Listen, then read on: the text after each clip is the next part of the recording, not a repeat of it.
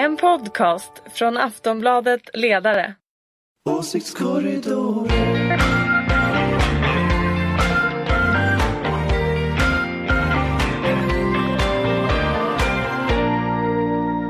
Hej och välkomna till sjätte avsnittet av Åsiktskorridoren, Aftonbladets ledarsidas egen politikpodd. Som ni säkert hör så är det inte den vanliga proffsiga programledaren Karin Magnusson som håller i det här idag. Hon är tyvärr sjuk, krya på dig Karin. Utan det är jag, Karin Pettersson, chef för ledarredaktionen som får försöka hålla ihop eh, detta kacklande som snart kommer utbrista. Med mig här i studion har vi Agneta Berge som gör praktik två veckor på ledarredaktionen men annars är ekonom på LO. Yes, Välkommen, hej! hej. Tack. Somar Alnar som är ledarskribent. Välkommen! tack, tack. Och Anders Lindberg gör ett inhopp från föräldraledigheten, också ju en eh, medlem i ledarredaktionen. Välkommen Anders, kul att se dig. Tackar, tackar. Hörni, vi börjar med en svep över veckans superkonstigaste händelser. Har ni sett något superkonstigt i nyhetsveckan? Agneta, ska du börja? Ja, jag har läst en superkonstig text av Ann-Charlotte Matteus som är ledarskribent på Expressen. Eh, hon är lite förvirrad över dagens feminism eh, för hon känner sig ganska nöjd med hur långt feminismen har kommit eh, och tycker att det finns inga riktiga stora frågor att ta tag i nu är det bara pet kvar. Eh, det är, tycker jag är superkonstigt. Vilken värld lever Matteus i egentligen? Ehm, Jag läste också den här texten och hon verkar leva i en värld, hon säger att alla runt omkring henne, där vabbar alla män och eh, de är väldigt jämställda. Så hon kanske lever i en väldigt jämställd Ja, värld och och det verkar ju kvinnorna runt härligt. henne är mäktiga. Men då kan man ju undra om, om hon är nöjd när hon har fått det bra. Kan det verkligen kallas då feminism? Eller är det egentligen kanske mer egoism? Det verkar ju finnas många andra i den svenska debatten som inte heller har förstått att feminismen är så att säga färdig. Eh, jag tänker på FIs eh, framgångar i opinionen och det är ju den stora liksom, nyhetsraketen. Vad tror, eh, Somar, vad tror du? Vad, beror på? vad beror det på egentligen? Nej, men jag tror att det handlar om att de andra partierna inte är så bra på det här med jämställdhet har gjort det till sin huvudkonfliktfråga. Utan det har varit mer andra frågor och då märks det att när Fi lyfter det här så är det hett. Eh, Jag tror att det är precis tvärt emot vad Mattias eh, driver, driver här. Eh, det är snarare så att väljarna vill ha mer feminism och det är det som märks i opinionen. Därför det går så bra för Feministiskt initiativ. Så att man kan säga att de andra partierna har varit, eh, de etablerade partierna är helt enkelt på Matteus linje. Det har, vi har gjort tillräckligt, det är bara lite pet kvar, sluta gnälla Ja men det är lite så. Man, de har lutat sig tillbaka lite för mycket. Ja. Men nu flåsar Gudrun Schyman i, na- i nacken på dem kanske. Ja. Vilket är bra för de behöver skärpa sig. Men vad säger ni män? Nej men jag tror Ge oss att, man, mannens ja, precis. Nej men jag take tror ju att det är så att, att det här är en, en, en Det här är en, en dimension av politiken som inte har fått det genomslag som den egentligen förtjänar om man tittar på hur, hur viktiga frågorna är och om man tittar på vad människor tycker. Och då är det så att när de här frågorna nu kommer upp och Gudrun Schyman lyckas ju, ju lyfta fram det här, jag menar då, då smäller det. Och jag kan säga att det, jag menar jag är inte jätteförvånad för, för om vi tittar på senaste partiledardebatten till exempel, där står eh, sju stycken män och en kvinna och är svensk toppolitik. Och, och så länge svensk toppolitik ser ut så, så är det, jag menar, det är inte jättekonstigt att människor är missnöjda med Inte det. superkonstigt. Det är inte superkonstigt att människor är missnöjda med detta. Och att det går så jävla långsamt. Alltså löneskillnaderna minskar inte alls så snabbt som de borde. Kvinnor har inte så mycket makt över sina arbetsliv som de borde ha med otrygga jobb och så vidare. Och, och jag tror att nu börjar vi tröttna ihop liksom. Vi pallar inte det här längre och då blir man jävligt arg och så här de feministiska landvinningar vi har har vi ju missnöjda feminister att tacka för. Så kommer Matteus och säger så här, men jag är en ganska nöjd feminist idag. Nu, ja. Så sammanfattningsvis superkonstig text av Matteus, inte superkonstigt att det går bra för Fi. Somar, vad har du för superkonstig spaning med dig till studion? Ja, i veckan kunde vi då läsa om att justitiekanslern har kommit fram till att registreringen av romer eh, som avslöjades för något år sedan där 4000 romer registrerades och ungefär 1300 av dem var barn. Nu har man kommit fram till att det är ett brott och därför så kommer de att få 5000 kronor var. Men det som är superkonstigt det är ju att ingen har klivit fram här och tagit ansvar. Det tycker jag är superkonstigt. Det här är en sån skandal. När den här nyheten briserade då blev det en stor internationell nyhet över hela världen. Och eh, Ja, visserligen tittar justitieombudsmannen nu på ansvarsfrågan, men var är politikerna? Du har skrivit mycket om rom, detta, denna fråga Anders. Tycker du också Nej. att det är superkonstigt? Alltså det, det är något, något paradoxalt här att Skånes polisledning har ju då eh, genomfört detta och Skånes polisledning har försökt dölja det. Och jag vet inte om ni minns när den här nyheten avslöjades då, då levererade de ungefär tre olika svar på samma dag. Först så fanns det inget register, sen så var registret någon analysfil och sen fanns registret igen och sen fyra svar var det, för sen var registret lagligt var det fjärde svaret. Eh, nu har man konstaterat att det är olagligt och, och det är klart att nu borde ju huvuden börja rulla. Och jag tycker de första huvudena som börjar rulla det är polisledningen i Skåne. Men sen är det nog så, om man ska vara lite krass, att här har man brustit från regeringens sida och, och det här bör ju naturligtvis justitieministern gå ut nu och säga att, att det här är helt oacceptabelt och de här åtgärderna vidtar vi. Ska jag vara ärlig så tror jag att det finns fler sådana här register. Jag tror att skulle man titta på socialtjänsten eller skulle man titta runt om i kommunerna så tror jag inte det här är det enda registret över romer. Men sen måste jag också säga så här att eh, anledningen till varför det är viktigt att myndighetssverige och att politiker tar ansvar här, det är också vilka signaler man skickar.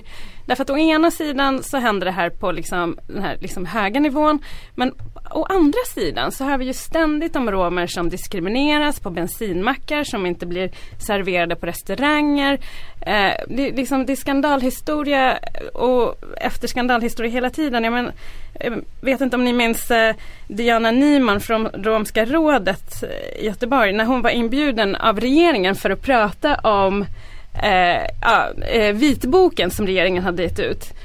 Då eh, skulle hon käka frukost på hotell Sheraton. Men hon blev, in, hon blev diskriminerad och stoppad. Och, och, och de hade sagt till henne, nej men eh, frukosten är bara för eh, folk som bor på hotellet. Eh, och det, det är liksom så paradoxal är den här frågan. Å ena sidan så diskrimineras romerna. Å andra sidan ja, så har vi liksom den politiska sfären här. Sammanfatt, sammanfattningsvis kan man väl säga att eh, det här är ju en liksom, historisk skandal. Det är bra med JKs beslut. Det här är, nu jag, jag samman, tar mig rätten att sammanfatta lite där. Men ansvarsfrågan är fortfarande olöst. Och som du sa Somar, JO tittar nu på just den frågan. Det är ju ett antal granskningsinstanser och myndigheter inblandade i det här. Men JO, eh, JOs beslut väntas tidigast till hösten. Så att den här frågan kommer att eh, fortsätta att rulla.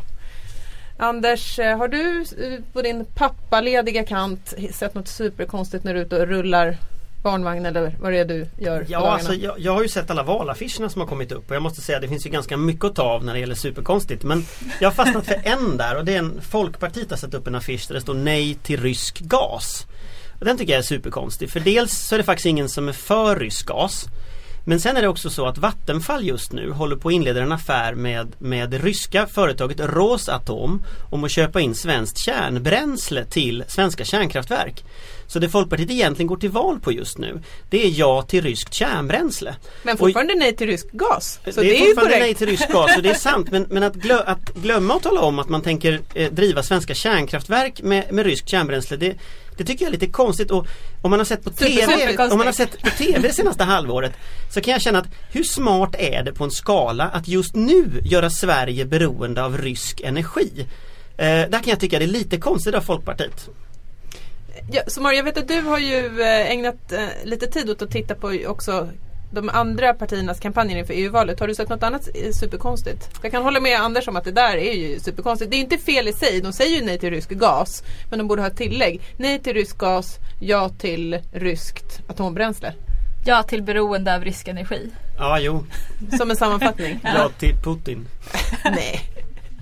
Somar, har du sett någon annan konstig? Det är ju den här det är mycket konstiga frisyrer på affischerna. Ja, Men det är, ehm, inte, det är, det är mer så- dolda budskap. Ja, nej men Socialdemokraternas affisch, där, där är det Marita Ulvskog och Stefan Löfven eh, liksom längst fram och sen så bakom dem så är en massa eh, unga människor. Och alla ser så himla eh, liksom städade ut, det är någon så här gloria runt deras huvuden och de är så här, de är så perfekta och fina och det är liksom, jag tänker på den här låten eh, Jesus älskar alla barn, Eh, ni vet den? Är det väldigt jag ser den. frikyrklig, Ja, eh, det är känsla? liksom, det är så Ja, jag himla, kan hålla med om det. det är så himla så här, eh, Hysteriskt nästan. Ja, det är nästan lite för mycket. Och jag tror, först när jag såg den trodde jag att det var så, här så, Kristdemokraternas affisch men sen såg jag ganska snabbt att nej men det där är nog sossarna. Så att, ja. Det finns Ja, mycket skicka här. snälla till Bryssel. Ja, skicka, Den konstigaste affischen är väl, är väl junilistans annars. De, de har en affisch som har en bild på drottning Elisabeth som av någon anledning kräks upp euros. Och jag har sett lite diskussioner om vad den där Monty in... Python-känsla. Det känns som en Den är också klippt som Monty Python för den är liksom hopklippt olika delar. Så att det är ingen som riktigt har förklarat vad det är men om, om, om, om junilistan har lust att höra av sig får ni gärna berätta om varför kräks drottning Elisabeth upp euros? Jag sammanfattar veckans superkonstiga panel. Ehm, Fis framgångar är inte superkonstiga men det är superkonstigt att försöka bortförklara dem. Eh, Romregistret är det superkonstigt att ingen har behövt ta ansvar för. Och eh, hela, alla partiernas EU-kampanjer är superkonstiga. Så att jag tackar panelen för dessa superkonstiga spaningar. Nu ska vi gå vidare till nästa segment i programmet och Anders du får sitta kvar för nu ska vi diskutera med panelen en text du har skrivit i veckan som handlar om Gunnar Hökmark.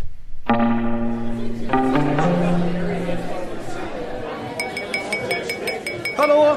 Det är dags för kommentarsfältet nu. Kan alla vara tysta? Tack, tack.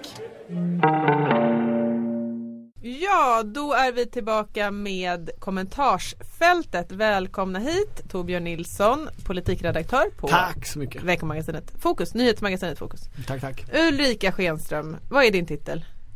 Jag har så många titlar. Ja, eller Vilken ska hur? jag välja idag? Eh, politisk superstrateg eh, med Expert var jag, moderat expert identitet. var jag häromdagen i Ja. Aftonbladet TV. Vi säger så. Toppmoderat. Ni är här för att slakta Anders Lindbergs text Sveriges liberaler bör dumpa Hökmark i EU. Och vi tar och lyssnar på texten.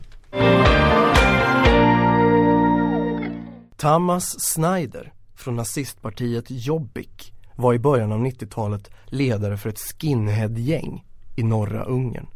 Han uppges ha gått under namnet Roy the Skinhead och dömdes 1992 för misshandel av en rom. I måndags valdes Roy the Skinhead till vice talman i ungerska parlamentet. Han fick stöd från Jobbik och regeringspartiet Fidesz. Nationalkonservativa Fidesz, som leds av Viktor Orbán, är Moderaternas systerparti i Ungern och vann det senaste parlamentsvalet den 6 april i år. En majoritet av väljarna röstade på andra partier men Fidesz fick ändå två tredjedels majoritet i parlamentet eftersom de riggat valsystemet. Under förra mandatperioden begränsade Fidesz pressfriheten. Ungern ligger nu på plats 64 i Reportrar utan gränsers pressfrihetsindex. Strax under Senegal och Tonga. Fidesz har även inskränkt rättsväsendets oberoende och Viktor Orbán har utnämnt sin tidigare finansminister till chef för den oberoende Riksbanken. Efter valet konstaterade de internationella valövervakarna från OSSE i en ovanligt hårt formulerad rapport att Fidesz gett sig själva en citat otillbörlig fördel slut citat i valet. I Europaparlamentet är Fidesz medlemmar i den konservativa gruppen EPP tillsammans med Moderaterna och Kristdemokraterna. Före valet den 6 april skrev Josef Daul, partiledare för EPP, citat I EPP är vi stolta över alla våra premiärministrar som är modiga och får sina ekonomier i ordning som premiärminister Orban. Slutcitat. På Facebook poserade Daul med en Fidesz-slogan. Att EPP kampanjar för Fidesz är logiskt. EPP och Moderaterna har under fyra års tid försökt förhindra kritik av utvecklingen i Ungern.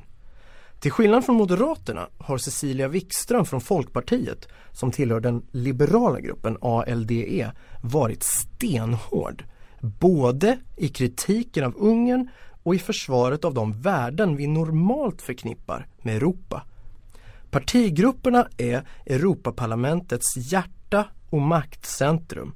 Där fördelas allt från talartid till poster i utskott. Grupperna avgör vem som får bli rapportör, alltså ansvarig för ett visst ärende. De har egna kansliresurser och det är mellan partigrupperna förhandlingar sker om politiska beslut. En röst i EU-valet är därför lika mycket en röst på ett parti som på den grupp partiet tillhör. En röst på Gunnar Hökmark ger EPP talartid, positioner, ekonomiska resurser och makt. Därmed ger en Fidesz makt och inflytande. Sveriges liberaler står nu inför ett val. Vill de stödja utvecklingen i Ungern och ge mer makt åt Fidesz? Ja, då kan de tryggt rösta på Gunnar Hökmark. Moderaterna vill nämligen även nästa mandatperiod sitta tillsammans med Fidesz. Men om man vill stå upp för pressfriheten och markera att domstolar ska vara oberoende, om man vill ha politiker som höjer rösten när oliktänkande förföljs och oppositionen tystas och om man tycker det är dåligt att utse Roy the Skinhead till viktiga uppdrag, då ska man dumpa Gunnar Hökmark. EPP förtjänar inga röster från Sverige. Där hörde vi slutet av Anders text och eh, Ulrika Schenström, tänker du kryssa Cecilia Wikström nu istället för Gunnar Hökmark? Jag tänker faktiskt inte berätta vem jag tänker kryssa. Det är min valhemlighet men det blir en moderat. Vad säger du om resonemanget? Jag skulle säga så här, jag tycker att vi här nu eh, återigen har sjunkit till den här guilt by association eh, nivån. Eh, som kan tillämpas även på Anders Lindberg som tidigare varit internationell sekreterare på Socialdemokraterna. Eh, jag har, brukar ju vara känd för att komma hit med många punkter. Idag vi många har du? fe- fem bara idag. Många punkter och många papper. Ja, jag menar man måste ju jobba och man måste ju slita för det här. Man måste ju bevisa liksom. Men, men jag tror så här om vi ska vara lite allvarliga så är det här en guilty by association. Det här kan du tillämpa på vilken eh, partigrupp som helst i Europa. Eh, och jag tycker att vi kanske skulle börja med att säga att eh, om man tittar på Socialdemokraterna som är Anders Lindbergs eget parti. Eh, så kan vi hitta i eh, Bulgarien till exempel så regerar Socialdemokraterna med stöd av Jobbiks systerparti Ataka som är ett ex- högerextremt parti kända för att kritisera romer, judar och turkar som är landets tre stora minoritetsgrupper.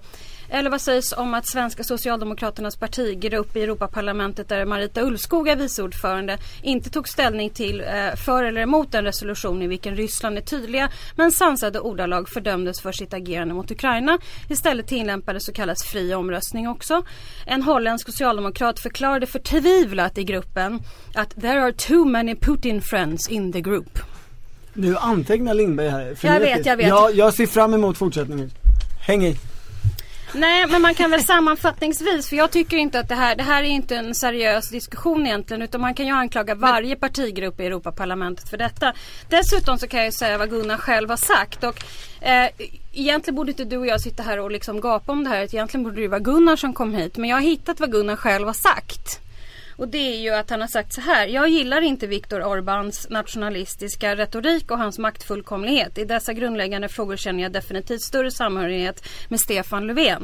När Europaparlamentet vill avgöra den rättsliga tvisten och sätta sig över den ungerska demokratin, då röstar jag emot. En sådan ordning vill jag inte ha. Men jag har fört fram min kritik till Viktor Orbán.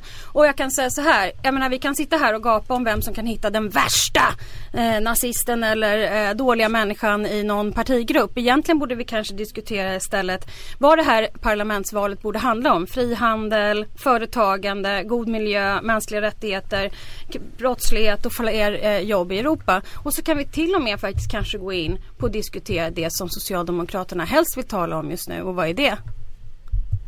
Torbjörn, Torbjörn, du har faktiskt Just varit med ett tag. alltså jag, jag har lyssnat Hörni, hörni, hörni, hörni, jag är ändå ordningsman. svarar? Jag är ändå ordningsman här. Det här det är grov, eh, ett, en skarp text från Anders. Det är ett skarpt svar från Ulrika. Nu lämnar jag ordet tillbaka till Ja. Anders för att svara. Är det här bara tramsigt guilt Ja. by association? Vi- Vi börjar med de här, vi börjar med de tre sakfelen som var i vad, vad Ulrika sa. Och det första är så här, jag har aldrig varit internationell sekreterare på Socialdemokraterna. Det säger Eh, alla. Ja det, det är inte sant. Jag, jag, du har haft jag, olika skumma jag, jag, jag, beklagar, jag beklagar detta men det har jag faktiskt aldrig varit. Eh, Men det är väldigt många som tror det. ja det är det och Det är det helt Vi går vidare. Det Jag är tycker vi faktiskt går vidare. helt fel. Eh, jag har varit sakkunnig på utrikesdepartementet för Ja, Socialdemokraterna ja, men, det är inte riktigt samma sak. Nej men okej, men okej. Faktiskt något helt annat. Är det nummer två? Den, nummer två är att, att det, Bulgarien är absolut inte det värsta exemplet på S i, i Europa. Ska vi prata om, om vad Socialdemokraterna har gjort i Europa då tycker jag vi ska prata om Slovakien. Eh, det här har jag, är någonting som jag har tagit upp i lite olika sammanhang och där samarbetar man med ett parti som heter Smer. Som, Bara som, namnet. Som är ganska skumt, eh, bara det. Eh, problemet är, tror jag, värre än Bulgarien därför att där eh, leder då Smer landet och har bland annat emot homosexuella. Vilket är någonting jag tycker man ska vara väldigt skarpt kritisk till. Här har i och för sig Socialdemokraterna varit väldigt tydliga att de eh, är kritiska till detta. Men, men, men du har helt rätt i att även Socialdemokraterna har problem. Det finns dock inget land i Europa som går att jämföra med Ungern. Eh, Ungern har inskränkt eh, domstolsväsendets oberoende, de har, de har minskat den fria pressen, de har ändrat valsystemet så att det, regeringspartiet inte kan förlora. Eh, det här är ingenting som något annat EU-land överhuvudtaget kommer i närheten av. Den tredje punkten är om den här Rysslandsresolutionen. Eh, vad du inte sa var att Socialdemokraterna, svenska Socialdemokraterna röstade ju för den här resolutionen. Resolutionen gick i lugn och ro igenom och där det, den grupp som framförallt hade problem med den här resolutionen det var ju Vänsterpartiets grupp, inte Socialdemokraternas. Så att, så att Tittar vi i sak så är det så. En röst på ett parti i, i Europavalet är en röst på partigruppen. Och då är det så att den partigrupp Moderaterna sitter i den innehåller Fidesz. Vilket alltså innebär att en röst på Gunnar Hökmark är en röst på Fidesz. Så gillar man Fidesz politik då ska man rösta på Gunnar Hökmark. Gillar man inte Fidesz politik då ska man rösta på någon annan. Och är man då borgerligt sinnad och absolut inte vill rösta på Marita Ulvskog eh, som självklart alla borde göra. Så, så är det faktiskt så att Folkpartiet Som är emot hela Europa. Folkpartiet har faktiskt varit jättetydliga i kritiken av Ungern. Varit jättetydliga i, i, i kampen för demokratin och så vidare. Så, att- så att då finns det andra partier faktiskt Men som ställer upp i valet. då kan Men man alltså dra men- slutsatsen. Nej men alltså jag Tom, tänker nej, men bara, nu släpper det enda, in- men det enda jag tänker plocka upp där, för jag har redan sagt det jag vill säga och det är att den här debatten i Europaparlamentet borde ha en mer saklig. Det här är en typisk, Men- typisk po- politisk, socialdemokratisk partsinlaga. Men är det inte viktigt Ulrika Schenström eh, vilka, hur partigrupperna är sammansatta? Det Finns kan vara finns viktigt det- men därför det inte nöjer på- jag mig med vad Ja. Gunnar Hökmark faktiskt har sagt i den här frågan.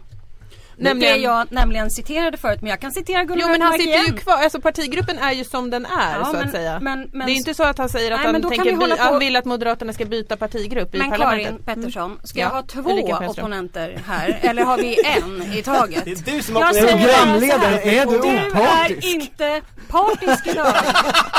Alltså du får ta time-out. Det är liksom inte du och jag som debatterar idag Karin. Det är Ja, men- faktiskt men Jag har så himla himla men svårt bort- att hålla med i det här. bort- Jag visste, Ja, jag och jag visste Men, det! men så här då, Men jag bort, släpper bort, in, nu alla andra får vara tysta och jag släpper in Torbjörn Nilsson. bortom pajerna så är det lite eh, så här att de här grupperna innehåller ju väldigt mycket olika politiker från väldigt många olika håll så, så frågan om vad, vad, är, vad det egentligen är man röstar på är rätt relevant eftersom Sverige är typ ett lilleputtland som inte spelar någon roll på något sätt i liksom eh, de, de, de, de stora sakerna när helheten kommer till. Eh, men då får, man, då får man väl fråga sig liksom vad, vad, vad finns den konstruktiva idén att göra någonting åt det här Anders Lindberg? Ja, så den konstruktiva idén tror jag det är att Om nu även någon moderat skulle tycka att det här är ett problem, vilket vi är om, lite om, jag, om jag var moderat så skulle jag inte rösta på Moderaterna i det här valet, då skulle jag rösta på någon annan, så är det. Därför att det enda sättet att få Moderaterna att förstå att man måste höja rösten mot ett parti som Fidesz och det enda sättet att övertyga gruppen EPP om att slänga ut Fidesz, alltså Fidesz är ett nationalkonservativt parti, de har ingenting i den gruppen att göra. Och enda sättet att övertyga dem, det är att faktiskt straffa dem i val. Men- så det är det som är min om jag, om jag nu, om jag till exempel då, då, då fattar jag ditt resonemang. Om jag till exempel skulle vara en socialdemokrat som lutade lite till höger, liksom mitten vänster. Den socialdemokratiska gruppen i EU-parlamentet med liksom franska socialister och jag menar de är ju Jonas Sjöstedt där hela bunten. Ska jag verkligen rösta på liksom Socialdemokraterna om jag vill ha en center-vänsterpolitik? Jag får ju någon form av eh, ytterkantsvänster i EU-parlamentet. Jag, jag tycker faktiskt att det där är, är den frågan man ska ställa sig som väljare. Därför att därför grejen är den att i parlamentet så är det de här grupperna som agerar. Det är inte så att det är enskilda politiker och det är inte så att det är enskilda länder utan det är de här grupperna som är centrum. De fördelar talartid, de fördelar rapportörskap, de fördelar makt och inflytande. De har också ganska mycket egna resurser. Så att de är liksom de tunga aktörerna. Och då tycker jag att då ska man som väljare fundera oavsett om det är Socialdemokraterna eller Moderaterna. Det är inte bara så att man ska stödja det egna partiet eller den egna kandidaten. Men- men utan bara också för är- gruppen. Nu vill jag Men bara för att det jag finns ett rötägg i varje sån här Vi kan ju diskutera vilket rötägg det finns i varje sån här partigrupp Om det inte finns någon som motarbetar det rötägget i den partigruppen Vad ska vi då göra? Nej jag håller inte Fast- med om fast det här EPP-gruppen Jag är tycker ju snarare rötäggen att det här, nej, det här leder till att det, Jag tycker nästan mer Alltså nu måste alla rösta på Gunnar Hökmark det, här, det, här, det här är jättedåligt att ha den här uppfattningen vilket år är han född? Jag vet inte Det som kommer bli resultatet av den här diskussionen Ja, är är att slogan både socialdemokrater och eh, 1949. moderater i Sverige kommer rösta på alla den rösta på liberala, den liberala partiet. Alla bör rösta på Gunnar Hökmark Alla kommer rösta på Cecilia Wikström. Är det verkligen det, dit du vill Anders Linde? Nej det är inte dit jag vill. Utan vad jag bara säger är Han just är ju att köpt. Ja precis av Folkpartiet. Det, det, Helt- det, jaha. det enda jag säger är det att om man som liberal eh, vill rösta på liberala värderingar då, då, då är pressfriheten sån, då är oberoende domstolsväsende en sån, då är ett, ett valsystem som inte eh, fuskar för regeringspartiet ett sånt. Och då är inte, då är inte Moderaterna det, det partiet man ska rösta på. Därför att det är trots allt så. Fidesz vill, Moderaterna vill sitta med Fidesz även nästa mandatperiod. Ja, Det är men det Gunnar här, Hökmark man- ställer upp till. Ja, men Gunnar Hökmark står också för liksom att eh, bedriva eh, frågan kring frihandel, företagen, en god miljö, en eh, god ekonomi. Och så att, du kan hålla på och larva hur länge som helst med det här. Så kommer någon annan hålla på och larva sig på vad sossarna håller på med. Jag tycker vi istället ska diskutera, vi kan ju diskutera den här EU-skatten kanske som, som ni föreslår. Och, ja, Vad är en röst på Anders Lindberg? Är det, är det Ah, också det är en röst det. på Marita Ulvskog? Alltså jag ställer ju inte upp själv i valet. Gör du inte? Eh, Så det Men är om svårt jag- att rösta på mig. men om jag- Man om kan jag ju ta en valsedel och skriva till på- ditt namn Precis. kanske. Är det en röst på Marita Ulvskog då?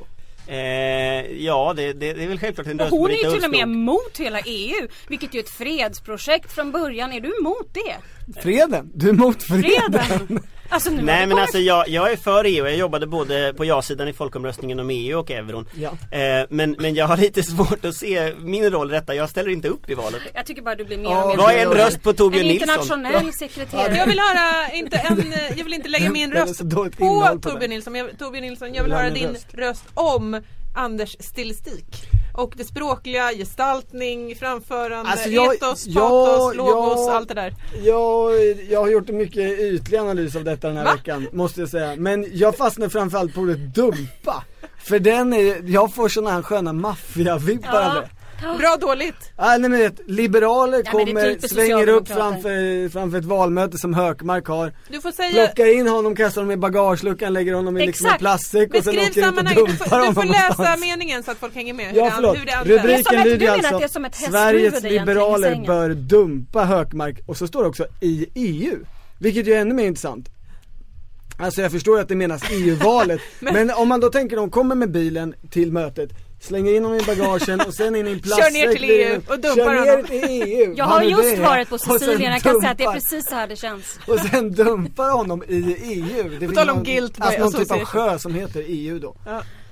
Ja det är, det, Det är en synpunkt. det, det var så långt den Har du någon annan? analysen. Nej, Nej. Nej. jag har inte fördjupat mig i det men, men jag tycker, jag har en historisk analys Ja. om jag får vara sån.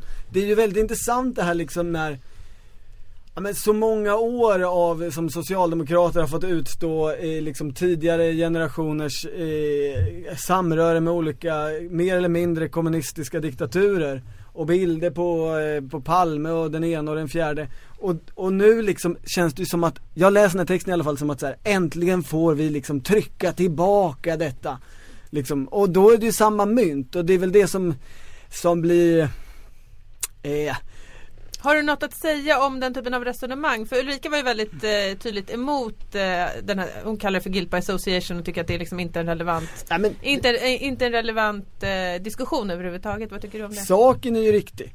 Alltså, och relevansen måste ju finnas, för relevansen tycker jag finns i att så här, vad är de här grupperna egentligen? Sen kan man ju då fråga sig, precis som att, eh, liksom en det finns ju så många i de där grupperna så det är också en fråga om liksom vilken tyngd eh, även en extremist har i en grupp och sådär. Och, och det, eh, där går det liksom både på, på, alla kanter att liksom relativisera naturligtvis och sätta i lite mer perspektiv kanske.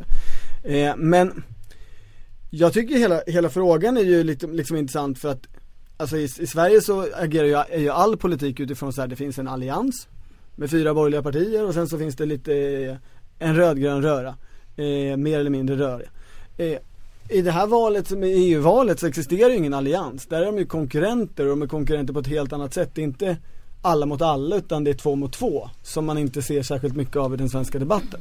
Så på det sättet tycker jag ju den är lite intressant med liksom distinktionen liberaler och konservativa.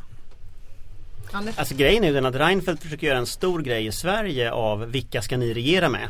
Mm. Och om du vänder på frågan, vilka tänker du regera med i EU? Mm. Och svaret på den frågan är Reinfeldt i EU vill regera med Viktor Orbán. Han vill regera med Fidesz. Ja fast Och- mest med väldigt många tyska kristdemokrater. alltså Jag grejen är den att nej, nej, det är inte så. Därför att Fidesz har en premiärministerpost. Och de tyngsta i de här grupperna det är de länder som både har en position i parlamentet Ah, ja. och en position i ministerrådet. Så det här är ingen liten sak. När, när Fidesz och Viktor Orbán åker till EPPs kongress och håller tal, då är det ingen liten sak. Utan Nej. detta är, han är inne i värmen, han är en del av, av hjärtat i EPP-gruppen. Men det är ju inte som att det, liksom, han är tyngst i EPP. Alltså om du jämför med liksom mängden tyska eh, kristdemokrater. Man kan ju diskutera om de tyska kristdemokraterna står upp för det moderatväljare Ja, och eller som liksom, jag säger och har sagt tidigare. Det finns rötägg i alla av de här olika grupperna. Och jag säger återigen, Gunnar Hökmark har tagit avstånd från honom. Så att det är ju liksom Gunnar Hökmark har alltså, när, när du berättar Ja, detta nu berätta så det. kan du också 7 maj 2014 i DN kan jag berätta. Ja, och berätta Han hur han röstade. Berätta hur han röstade på Han resolutionen. säger också att han röstade emot. Ja, en exakt. sådan ordning vill han inte ha. Nej, precis. Men han har framträ- trä- framfört sin kritik okej. mot Viktor. Så vi Men man kan inte snacka bort en röstlista. Nej, vi Men kan inte här- hålla på så här. Man kan inte snacka bort hur han röstade. Han röstade mot kritik av Viktor Ja, Orbán. men vi kan gå tillbaka till liksom Ja men det, man kan inte snacka bort och det. Ja, vi kan prata om sossarna också men, Ja, men, den partigruppen är ju för vi, Putin. vi kan inte snacka bort En att röst på Marita Men Ulvskog är en alltså en röst på Putin. N- Nu är det inte riktigt så. Nej, och, nej. och, och det är det inte, fakta nej. Nej. Kvarstår. Nej, jag Hökmark tycker att alla röstade socialdemokrater mot i Sverige ska veta det att en röst på Marita Ulvskog är en röst på Mm. Putin. Men skillnaden är att, att Hökmark som sagt röstade mot den här resolutionen som Mm. kritiserade Viktor Orbán. Och han har i fyra år försökt bromsa kritik av Fidesz. Jag tror att vi eh, Streck. avrundar den här diskussionen. Hade du några, några funderingar kring stilistiken Ulrika? Det känns som att du var mer inne Nej i... jag, jag känner att den tar Torbjörn så bra. Ja. Jag Även om jag i och för sig kan hålla med om det där med hästhuvudet. Man får ju lite känslan så här. Men det är inte säkert att det faktiskt är herr Lindberg som har satt ehm, rubriken. Tror att det var det i och för sig. Men, men jag tänker att en bra uppmaning till våra lyssnare, poddlyssnare är att eh, någonting som vi ändå har enats kring här, jag vill försöka få liksom en positiv utgång ur, i, i det här, det är att Lycka till. partigrupperna i EU-parlamentet är viktiga. Och att eh, titta inte bara på eh, enstaka kandidater och personer utan titta på deras politiska sammanhang och eh, vad de grupperna driver. Vi landar där och eh, tack eh, så mycket alla lyssnare. Eh, tack för tillsägelsen där Ulrika Schenström. Jag klev ur min roll. Jag kände liksom två mot en. Nästa gång, nästa gång får vi hoppas att Karin Magnusson är på benen igen. Och jag vill också tacka för att jag har lärt mig att han bara har jobbat på UD. Anders Han Lindberg. är alltså Anders Lindberg. Ja, jag tackar. Denne Anders Lindberg.